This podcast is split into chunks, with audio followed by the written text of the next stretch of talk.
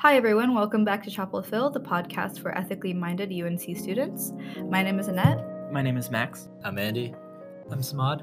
And today we will be talking about the Board of Trustees for UNC Chapel Hill, which is a 13 member institution that specifically overlooks all of the happenings in our campus. So, specifically, the Board of Trustees is appointed by the General Assembly, and a state law in 2016 changed how these members are appointed. Before, half of the Board of Trustees was appointed by the Board of Governors, which overlooks the entire UNC system, and the other half was by the Governor of North Carolina. However, now 12 members are appointed by the General Assembly, and one is the current student body president of UNC. And we're going to start off by talking about a story that's probably familiar to you all um, regarding how UNC handled the situation with providing tenure for the famed journalist Nikole Hannah Jones. So, the Nikole Hannah Jones situation, I'm sure y'all are familiar with it. Basically, about a year ago, uh, the Hussman School of Journalism appointed Nikole Hannah Jones. Uh, she is a journalist most well known for her work on the 1619 Project, uh, which has come up in the news recently because Ted Cruz is a little bit angry about it. Um, basically, the 1619 Project was this piece of critical theory that asserts America's founding was not in 1776 with the Declaration of Independence, but rather in 1619 when the first slave was brought to the shores. So her work is pretty famous. It garnered a lot of attention. They wanted her on faculty in a position that normally comes with a guarantee of tenure. The Board of Trustees decided to deny Nikole Hannah Jones tenure. She was understandably not very happy about that. There was a lot of protests led by former uh, UNC student body president Lamar Richards, and a lot of the Black student movement as well was involved in the situation. It ended up getting national news attention and cast a lot of controversy onto just how political the UNC Board of Trustees has gotten since 2016 when the state legislature removed the governor's ability to appoint many of the members in the aftermath of Roy Cooper's election. So, the question that we have today revolves around should the power to appoint board of trustees members be given back to the governor? Would that reduce some of the political politicization that we're seeing in the board of trustees? And is that politicization even really an issue? Thank you, Samad, for that brilliant introduction. Um, first, I'd like to say the board of trustees, if they were to be appointed by the governor, seems to be very political. Uh, the governor position already is pretty politicized, is very politicized, is politics.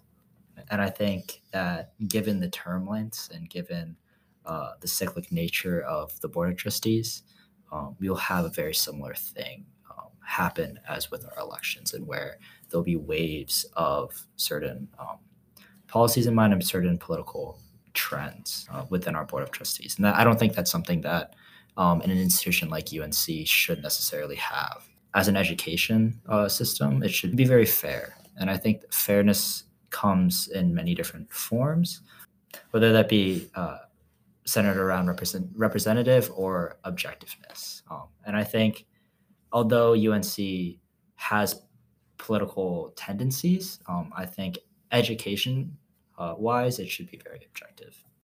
Uh, thank you, Andy, for that, and uh, Samad as well for uh, the introduction.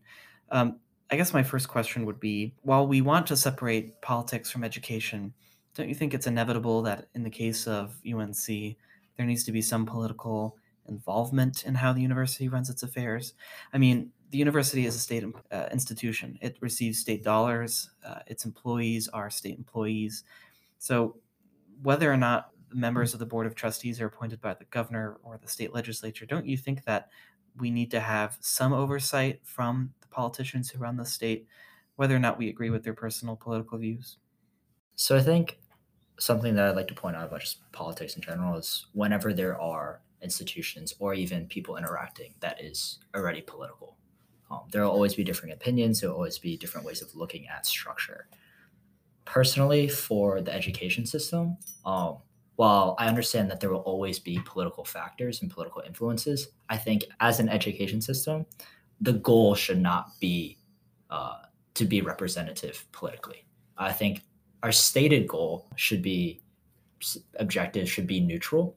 Although I understand, and as it should, it will naturally reflect certain political ideologies and beliefs. Overall, I think first UNC as a university um, may recognize these different political views and political ideologies, but I don't think they should adopt them um, as an institution. Yeah, I, I definitely agree with what you're saying, Andy. And to Max's point, the politics of it is fine. You can have your political beliefs and you that can even influence certain things that you prioritize. I think the problem when it came to the Nikole Hannah Jones situation was they took their personal beliefs about the 1619 project and critical race theory, which sure, you can believe what you want about critical race theory, but using that political opposition as justification for turning down tenure against the wishes of the faculty board that proposed that she should get tenure and over the wishes of a lot of the other governing bodies of the university. It doesn't seem right. And it seems like an undue imposition by a board that was really just supposed to kind of like sign off on it and make sure there weren't any glaring issues. Um, like illegal activity or something of the sort personal like disagreements on, on personal issues like the 1619 project really shouldn't have come into place. Yeah, to talk specifically from my side about the that um, issue, I think the way that we should have looked at it is looking at her contribution to academia um, and her influence on academia rather than the subject. Now, this I understand this has to go both ways. This can't just be about political ideas that I personally believe in. I also I also have to hold that same standard to the other side.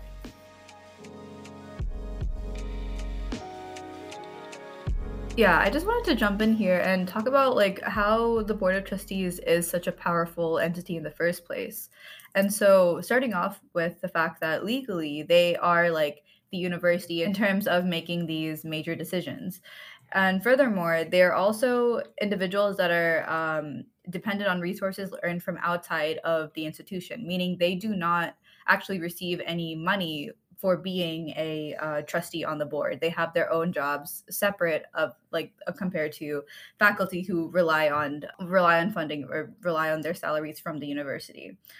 And they're also responsible for fiscal and legal decisions. Even though they're not a student on campus, they're not a faculty on campus, they have no real specific connection to the campus that they're a part of. They're still the ones that are in charge of making these decisions, which also kind of has an is an issue because it leaves them primarily clueless about what may actually be happening on campus and they might only hear the good news versus all the bad news or they might be getting one-sided one-sided information compared to students who are on campus and are part of the main scene so there's a lot of circumstantial things that affect how well a specific trustee is able to be a good advisor for the school Thank you, Annette. Yeah, you talked about the mum effect, which is when bad news gets filtered out uh, as it goes through an organization, particularly as it goes up. So we tend to not want to deliver bad news to our higher ups. Um, and the board of trustees, as they are at the very top, uh, will most likely not get all the nitty gritty, uh, dirty stuff. They don't want to hear that. That's not what they're there for, which is something that I think is really, really problematic. Uh, one thing to help with that, I understand, was having a student on uh, the board of trustees, and I think that, or in those meetings, and I think bringing that perspective is really key. Um, I think we should definitely explore the possibility of having more than one member. Um, one out of 13 is a very small percentage. And especially since our board of trustees currently is not necessarily representative of the similar backgrounds and different viewpoints of our students. Uh, while I understand I don't not necessarily politically they need to be representative, I think a big thing, um, especially with DEI, needs to be seeing people in higher up positions that look similar to uh, our students. And I think having more students on the board as well as uh, representation on the board is really, really key. Yeah, just to kind of go off of that, um, when it comes to the representation that we see on the board, I think a major problem is that racially and gender wise, the board of trustees looks almost nothing like the actual university eight of the 12 non student body president members are white men. Only two of them are women, and only one is a woman of color. Um, if you look at the actual university as a whole, 60% of the student body are women. Um, and I believe somewhere around 20% of the student body are people of color. So to have a board that looks almost nothing like the actual university that it's serving is going to cause some issues and I think is something that we needs serious readjustment. One question that I have for you both is what are your opinions on possibly like changing the way that the board of trustees is appointed? Um, currently, they're appointed by the government or by government officials, and so there's like a specific difference in how like the as you as you mentioned before, Samad, with the representation of the school and the representation and diversity of the board of trustees themselves. Um, do you think there's any way to possibly change this or possibly change the number of terms they can be elected? I think currently there's no specific limit on how many terms they can serve while being on the board of trustees.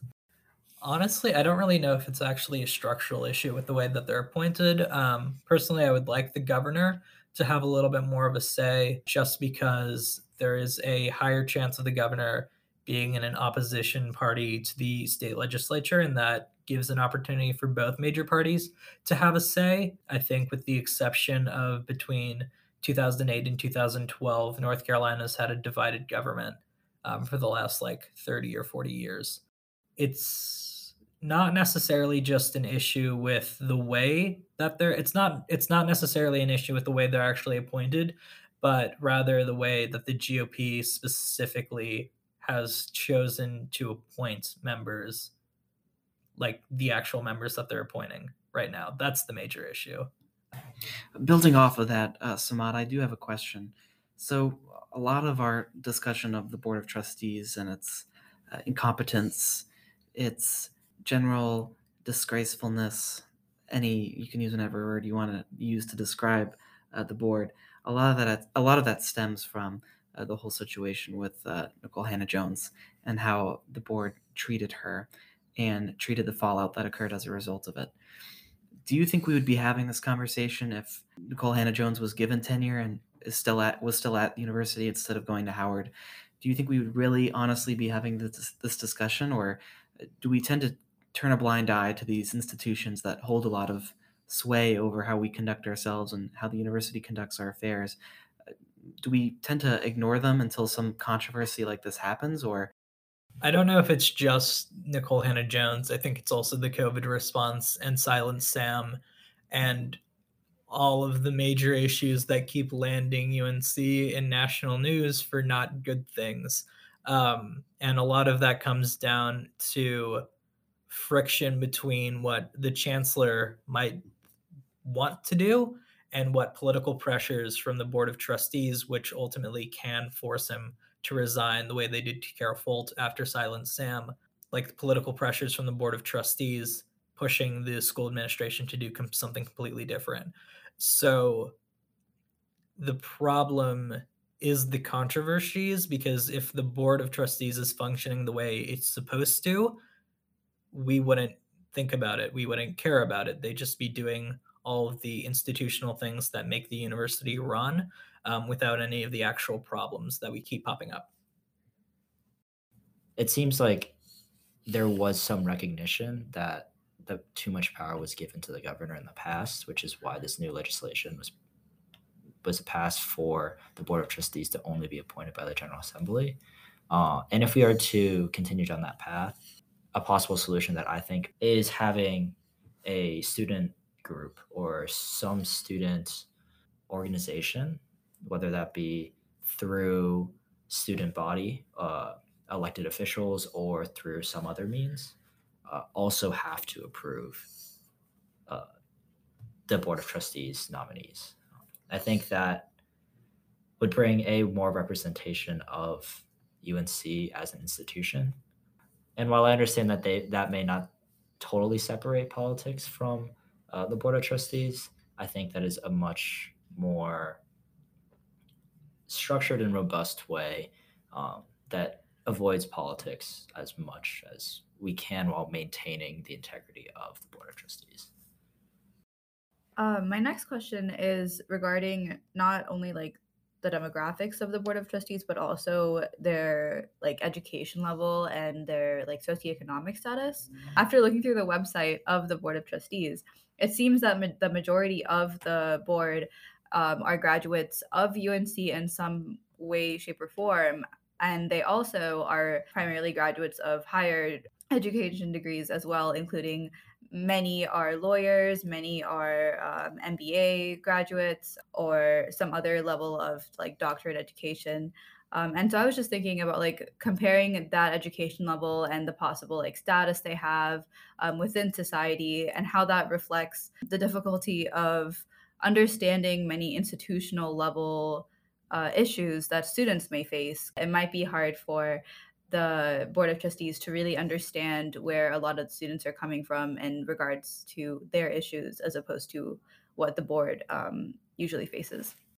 It's a very fair argument that these highly educated members of society most likely do not face the same challenges or face the same issues that a lot of students face. Um, and i think integrating the student body with this governing body of unc is really really important. Um, I think the proposal of getting student approval uh, would help to counteract that. I don't think it's a necessary fail-safe option. Um, I don't know if there is a fail-safe option. It, it, I personally, I think it's very important for the board of trustees to have an understanding of higher education, especially since the UNC system isn't just undergrad. The UNC system also includes MBA programs, MPH programs, MPA programs. Um, and I think having an understanding of that is important to serve the entire UNC. I think getting students involved with uh, the nominations and appointments is is crucial. Yeah, um, I, I agree with a lot of what you said, Andy. I think maybe I'm not sure how much I trust myself as a student. I'm not sure how this goes for everybody else to like sign off or be able to vote on whether or not somebody's qualified to be on the board of trustees. Looking at the website, I feel like everybody on the board of trustees is qualified for that position, but maybe inc- increasing the amount of student representation on the board, um, having certain pieces of certain decisions that they make m- might have to go through the student body government, through the student senate, uh, that might be able to improve the amount of communication that's going on between the student body and the board of trustees and kind of make a more functioning model of governance. Oh, what should I say? Whatever. Like just well, today we talked about advising the trustees. Yeah. Oh, okay. Well, that was a great conclusion to our fascinating and insightful discussion on the Board of Trustees, what we think about the Board of Trustees, how they handled uh, recent controversies that come, have come up, and what we think are potential methods to uh, improve how the Board of Trustees functions. We thank the Parr Center of for Ethics. Jeez, should know. We thank the Parr Center for Ethics for its support for Chapel Hill. We thank you for listening and stay tuned for future episodes.